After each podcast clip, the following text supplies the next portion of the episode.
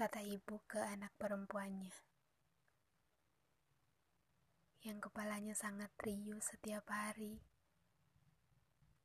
Pikirannya berjalan ke sana kemari. Sampai ia lupa merawat dirinya sendiri.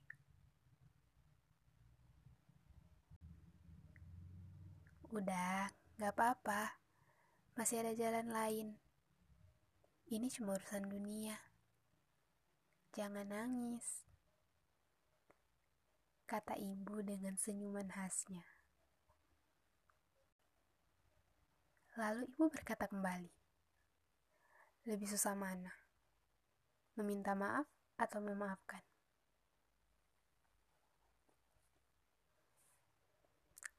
Tidak ada perasaan yang jauh lebih indah dari berhasil menaklukkan diri sendiri, menghadapi ketakutan-ketakutan besar yang ternyata tidak semenakutkan itu saat dijalani. Mampu mengikhlaskan dan merelakan apa yang belum waktunya.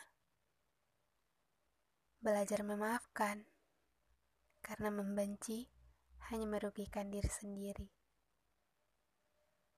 dan sadar atau tidak, dari segala yang kau cari, ada dalam dirimu sendiri.